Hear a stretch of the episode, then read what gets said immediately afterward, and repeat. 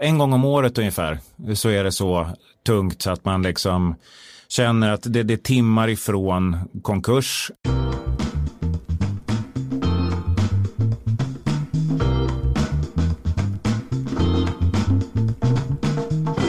Hans företag föddes ur en frustration över utbudet i vanliga matbutiker.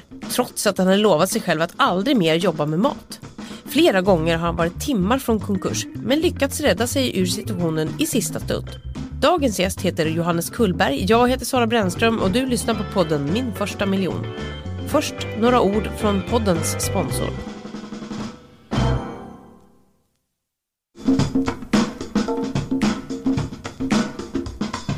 Välkommen hit Johannes Kullberg. Tack så mycket.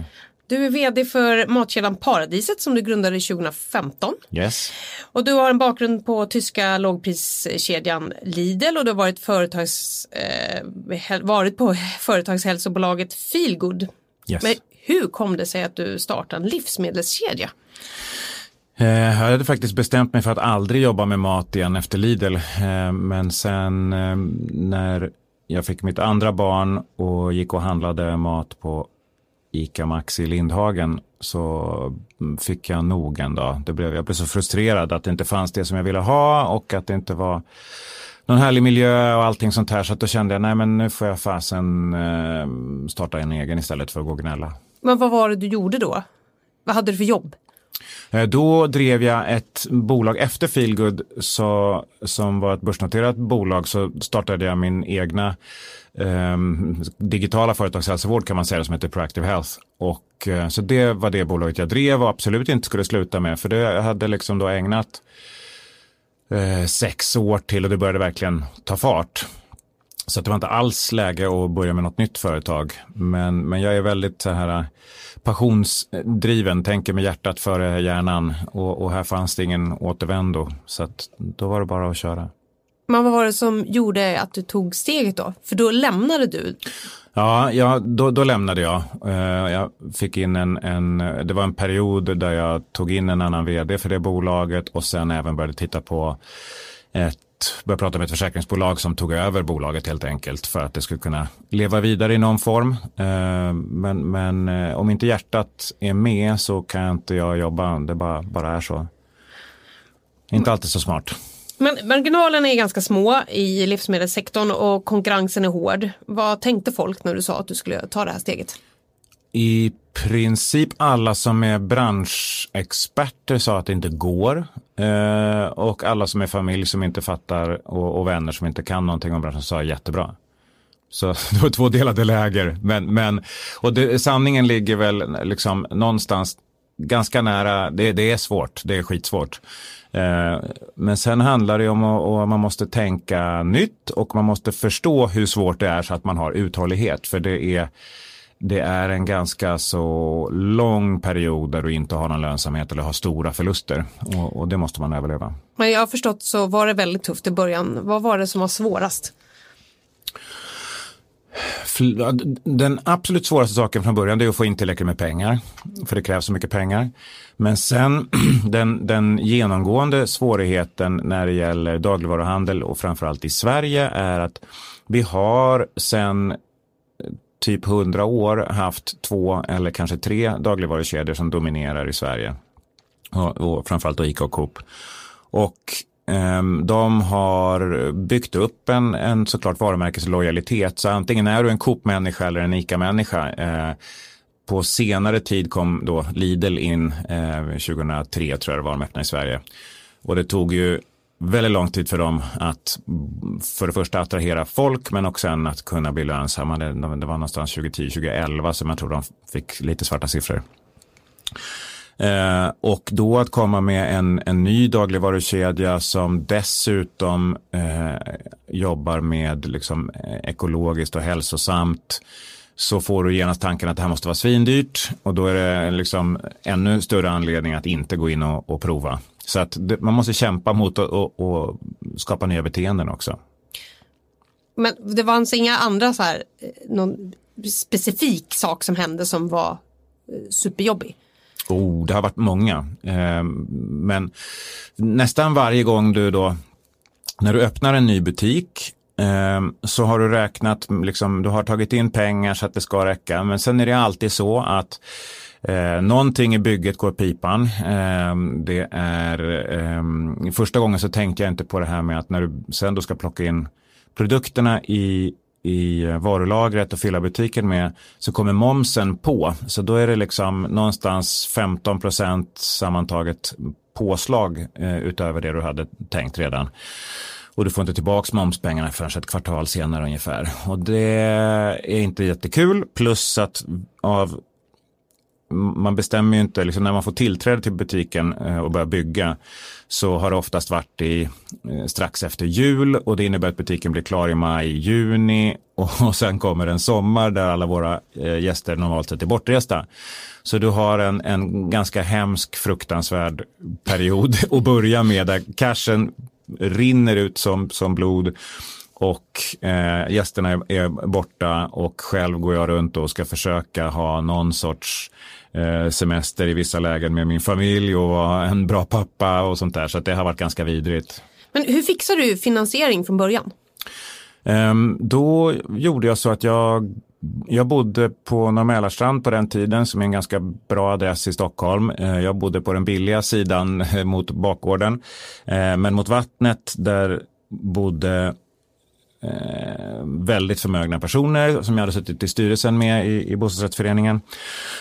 Och eh, så det första jag gjorde var att jag bjöd över min granne eh, Wilhelm som bodde tvärs över på några öl och eh, pitchade min eh, affärsplan. Och eh, han är en sån här private equity person med väldigt, väldigt mycket pengar. Och han sa vid sittande bord att eh, men 6 miljoner kan jag stoppa in i det här förutsatt att jag får in övriga pengarna. Så det gick ju väldigt snabbt där, men sen behövde jag ytterligare eh, 20-25 till första butiken och eh, det tog väl kanske någonstans nio månader eller något sånt innan jag fick ihop det. Så eh, det var första och sen så har man ju då för varje butik fått ta in pengar och även um, ja, löpande behöver man göra det för pengarna tar slut. Eh, så är det. Men har det varit eh, så motigt någon gång att du har varit nära att ge upp? Ehm, det har det varit. Ehm, det har varit eh, någonstans eh, en gång om året ungefär så är det så tungt så att man liksom känner att det, det är timmar ifrån konkurs för att du måste få in pengarna och ehm, du måste betala löner. Det är prio såklart. Och sen ehm, så har det varit extremt segt. Du får inte stressa, du får inte verka som att det är eh, på ytan, det är den här ankmetaforen. På ytan måste du se helt cool ut och så under så trampar du som en idiot. Liksom. Eh, och man kan inte dela med sig av det här. Det går inte runt och gå runt och gnälla. Jag kan inte ens ta det hemma med min fru eh, för att jag vill inte göra henne orolig. Jag kan inte prata med, det finns egentligen ingen man kan prata med i ett sånt läge. Eller jag kunde inte i alla fall det. Så det blir ganska ensamt och sen så går man då 24-7 och tänker på klockan börjar liksom ticka neråt och sen hur fan ska jag få in de sista fem miljonerna eller vad det nu är. Men på något vis så har det alltid löst sig. Eh, men det är klart att det har inte varit så här jättepositivt för nattsömnen eller för, nu har jag inga magsår eller någonting sånt där, utan ehm, men jag har fått jobba mycket med min, jag har tränat eh, hårt och jag har sköter min kost eh, väldigt bra och det har nog räddat mig tror jag från att inte ha eh, mått för dåligt. När var det senast så där tufft att eh, pengarna nästan var slut? Förra sommaren. Eh, strax innan midsommar. Eh, jag gjorde ju, som, som, du vet så gjorde vi ju en, en crowdfunding för ett och ett halvt år sedan ungefär. Eh, som ju var ren liksom, risk om man säger så. Ingen hade gjort det i den storleken och för en dagligvarukedja tidigare. Eh, så att, och, och, jag körde i princip över min styrelse. Eh, de tyckte att det var lite läskigt. Eh, av förklarliga skäl. Eh, men då var det redan, då hade du fått ensamrätten på att få ut den här artikeln. så den skulle komma ut i, i, i liksom, jag tror i, i svenskan dagen efter vårt styrelsemöte. Så det var inte så mycket att ändra på. Men den blev också extremt framgångsrik. Vi fick in eh, nästan 5 000 delägare och nästan 20 miljoner kronor. Så att det var, det var väldigt Eh, häftig känsla och alla var eh, jättepositiva. Sen så skulle vi då göra om det här tänkte vi, ja, men nu nådde vi ju 4 500 men det finns ju ganska många fler i Stockholm och hur svårt kan det vara? Men det visade sig att det var mycket, mycket svårare än, än vad jag hade trott. För man måste då nå helt nya målgrupper och vi jag, vi blev väl, eh, fick lite hybris så vi la inte alls lika mycket tid och kraft på marknadsföringen plus att den Ehm, crowdfunding-plattform som vi hade använt första gången, de eh, skulle då eh, användas igen men de blev inte klara med sin teknik och allt som skulle fixas för första gången var den rätt så dålig. Så vi fick bygga en egen eh, teknisk lösning på tio dagar, vilket vi gjorde. Men det var liksom inte den bästa förberedelsen då för att kunna köra igång det här. Så den crowdfundingen fick vi in 4,5 miljoner på eller något sånt där, vilket är katastrof, eh, för det kostar mycket att göra eh, det här också. Och två andra finansiärer som skulle gå in med rätt stora pengar backade i sista stund. Eh, och då stod jag på midsommarafton och hade inga pengar. Och skulle åka till Portugal dagen efter och med familjen. Och trodde att jag skulle då kunna ha min första sommar där jag kunde ha eh, pengar på kontot och ta det lugnt. Och så istället hamnade jag i mycket värre situation än vad jag någonsin hade varit i. Så då, det var inte så kul. Vad säger grannen du hade? Nej, han är ju, han är ju proffsinvesterare för det första. Ehm, så han vet ju att eh, det är långt ifrån säkert att alla investeringar går bra. Men eh, han, har ju, han är ju med fortfarande och, och, um, att det går upp och ner. Det viktiga är ju att man inte klappar ihop och går ner och lägger sig och, och, och gråter för det funkar inte. Vad gör du då när det är så här? Först, Vad händer med dig? Först får jag en sån här eh, klump i magen eh, och sen går jag och tycker synd om mig själv i några minuter och sen så eh, ställer jag om och försöker att tänka okej, okay, hur löser jag det här nu då? Vad kan jag göra? Um, och sen börjar jag kontakta, jag har byggt upp liksom ett par personer som jag kan prata med nu över åren och sen börjar jag aktivera mitt nätverk och tänka, hur kan jag lösa det här? Ehm, de här har jag inte pratat med tidigare eller de här har jag pratat med tid, liksom, som, som jag vet de har, skulle kunna vara aktuella nu. Eh, så jag går in i, i lösningsmode eh, rätt snabbt. Och sen så bara kör jag och kör och kör tills, tills det löser sig. Liksom. Och det är en det är, det är en ganska obehaglig period för att jag blir helt liksom radiostyrd och går in i det här eh, modet. Så jag blir verkligen inte rolig för barnen eller min stackars fru där. Men, men det finns ju inget annat än att, att, att lösa det. Men Så du har ingen kompanjon bredvid dig? Som... Nej, jag har inte det. Eh, och, och, tidigare, alltså jag har ju fantastiskt bra medarbetare. Men finansieringen har alltid varit mitt bord. För det är man måste kunna sälja eh, och du måste vara, alltså jag är paradiset, det är mitt varumärke, det är mitt bolag. Eh, det är väldigt svårt för någon annan att komma in och liksom försöka eh, pitcha det här och, och att få loss 10 miljoner, 20 miljoner, det är inte sådär jättelätt att göra. Eh, men över tid har jag lärt mig hur, hur jag gör och så vidare. Då, då. Mm. Men det är ganska ensamt, eller väldigt ensamt. Den här podden heter ju Min första miljon och de flesta entreprenörer som kommer hit de eh, kanske berättar eh, när de hade i sitt företag fått in den första miljonen eller när de har genererat en miljon i, i vinst. Eh, paradisets del ser det ju ut som miljonförluster snarare. Eh, när jag tittade i räkenskapsåret 2017 så var det minus 28. Men eh, hur såg det ut i fjol? Eh, vi förbättrade vår, vi minskade våra eh, förluster och det kommer vi fortsätta att göra nu också. Så att eh, ganska, ganska dramatiskt. Men det, det, har jag sagt till eh, både dig när du har intervjuat mig tidigare och även branschpressen att eh, den som tror att man ska få svarta siffror på ett sånt här, när man för, dessutom bygger en, en grupp av butiker eller en, en, en eh, kedja, Eh, då har man väldigt dålig koll. Eh, utan det här kommer att ta ett par år till. Hur lång vi... tid tror du? Eh, nu gör vi ganska stora förändringar, vilket är jättehäftigt. Ehm, den investeraren som kom in i somras heter Blue och är en Ehm, en, en, svensk entreprenör, Bengt Rittri, som är, är, grundare tillsammans med Anders Jakobsson som är vd för bolaget och medgrundare. Och de eh, har sina pengar från en eh, vattenrenings, eh, eller förlåt, en luftreningsteknik som såldes i Kina och blev väldigt stor som Unilever gick in och köpte för x antal miljarder. Och de tog de pengarna sen och byggde dels en vattenreningsbusiness och sen investerade de då i olika hållbara företag där vi är ett av dem.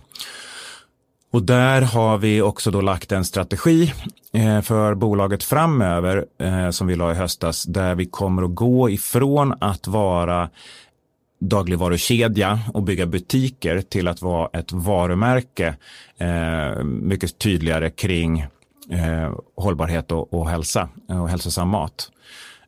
Och då blir butikerna mer ett skyltfönster för varumärket och vi behöver inte bygga fler butiker. Tack gode gud för det. Eh, utan vi jobbar mer med att få ut produkterna eh, i övriga dagligvaruhandeln, på apotek, eh, kaféer och så vidare.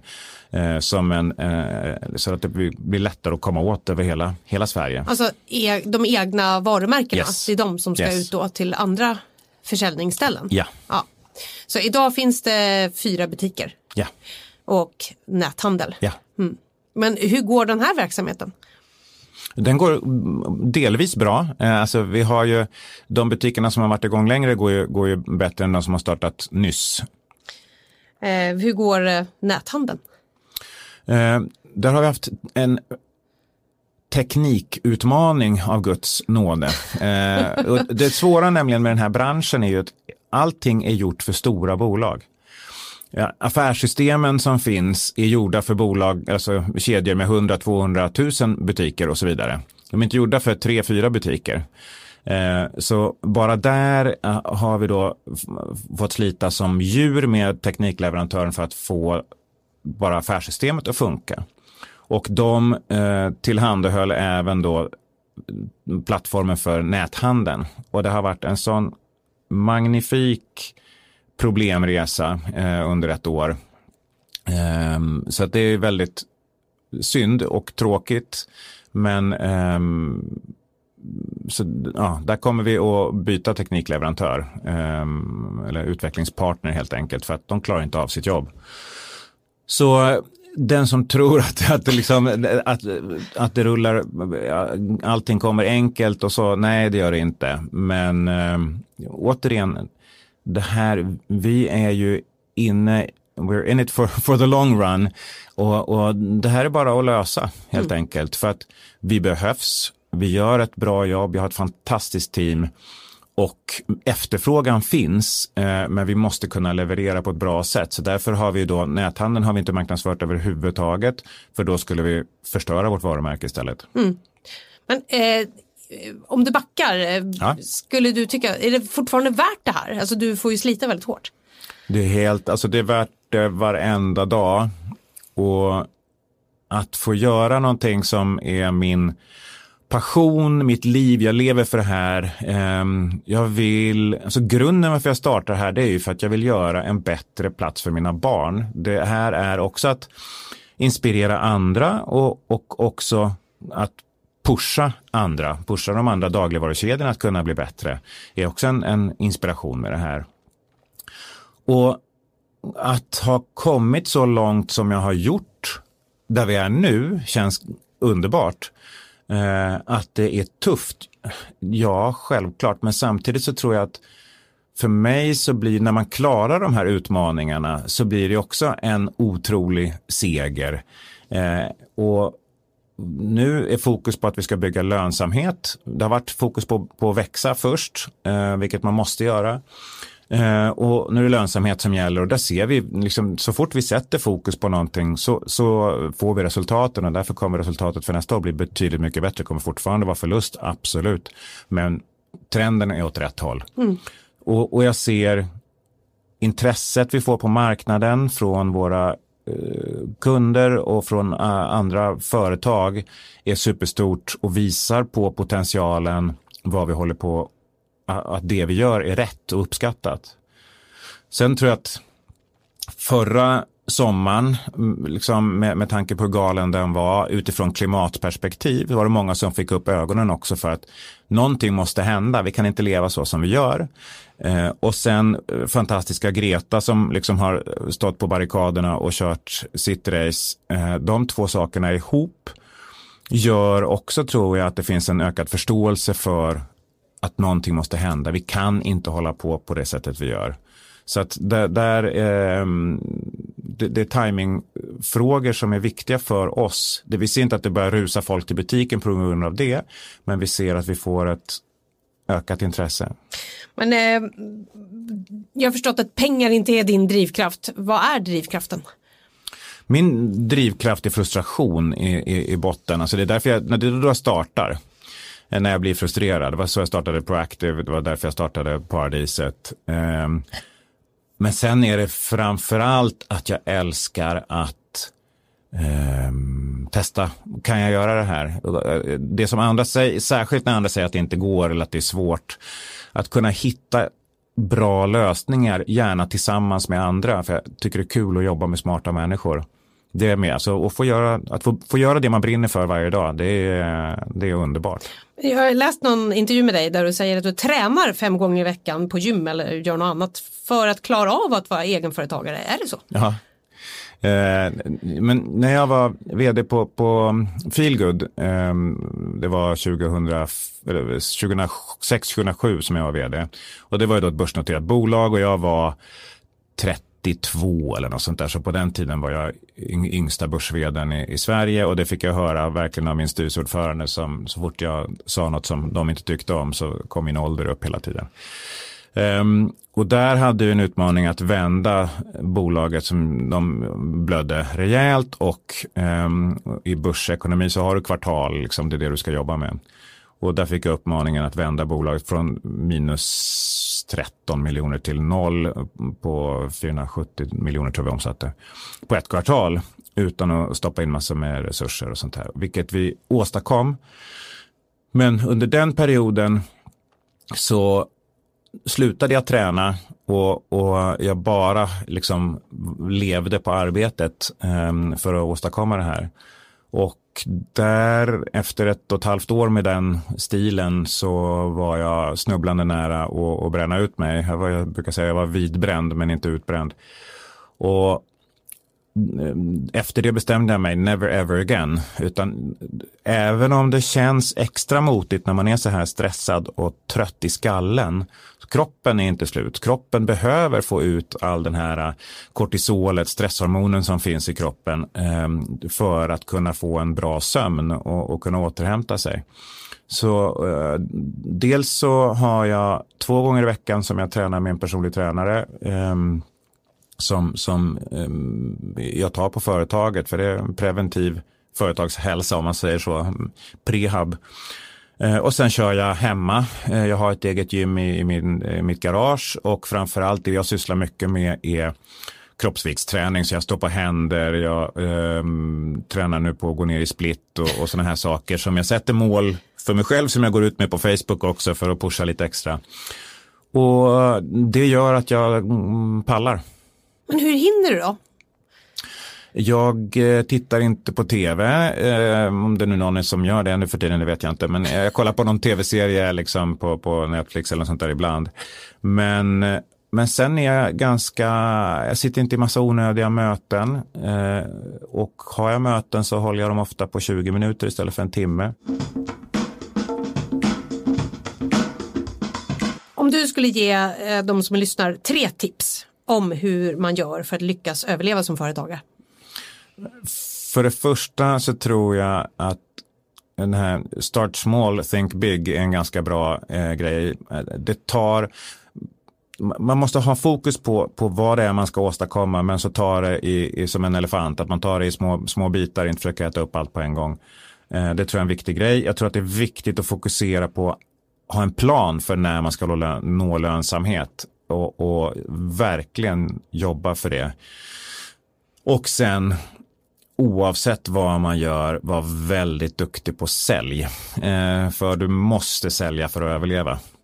Eh, och där många startar företag med en bra idé men eh, om man inte ser till att vara väldigt duktig på att sälja den idén sen så blir det inget kul. Eh, då går man omkull. Men tycker du att alla människor klarar av att vara företagare? Nej, absolut inte. Absolut inte. Utan det är en viss personlighetstyp. Det finns ju massa olika sådana tester vad, man ska ha för eh, personlighetskaraktär. Man måste vara, tycka om att ta risker och kunna se möjligheter där andra ser problem. För det är inte en hälsosam miljö om man inte har de egenskaperna. Eh, utan jag tror att det är väldigt naturligt att vissa personer är mycket bättre på förvaltning och, och trivs med ordning och reda och struktur.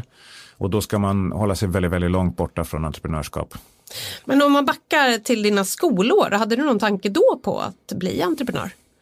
Nej, då eh, Först och främst skulle jag bli musiker. Jag, jag var eh, fram till jag var 20 ungefär så var jag på professionell nivå som tvärflöjtist. Jag spelade tvärflöjt, klassisk musik, gjorde lumpen som eh, soloflöjtist i musikplutonen.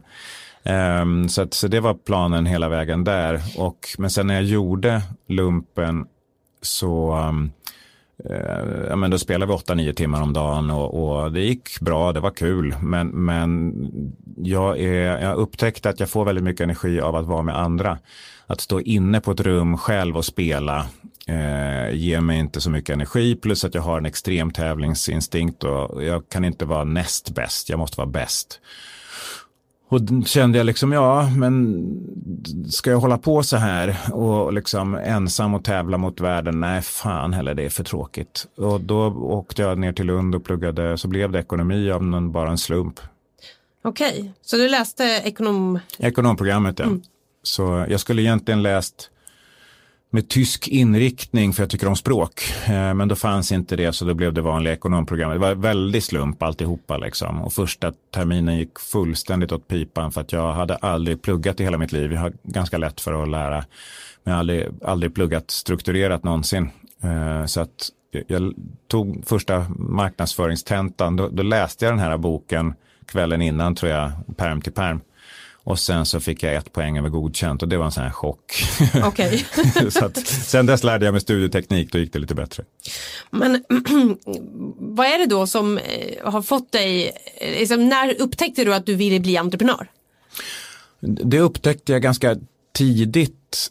Eh, först jobbade jag då som strategikonsult för att jag tycker det är kul att lösa problem och det var typ det finaste man kunde göra på, på den tiden. Eh, och då när jag satt på fredagarna eller liksom after worken och, och man, ganska mycket alkohol på den tiden där också, man, då satt jag alltid nästan och spånade om affärsidéer fast jag vågade inte genomföra det för att jag var ganska analytisk och det är lätt lätt att skjuta hål på särskilt sina egna idéer om man är lagd åt det hållet. Så alla grejer jag tog fram dödade jag ju rätt snabbt och, och, och vågade inte. Utan det var ju först när jag var sådär förbaskad och frustrerad som jag kände med, med Proactive första gången att ingen gör det jag vill göra och jag kan inte sitta här och gnälla utan då får jag göra det själv. Vad är ditt största misstag du har gjort Osh. under dina entreprenörsår? Det finns så många så att det är svårt att veta vad man ska välja. Um,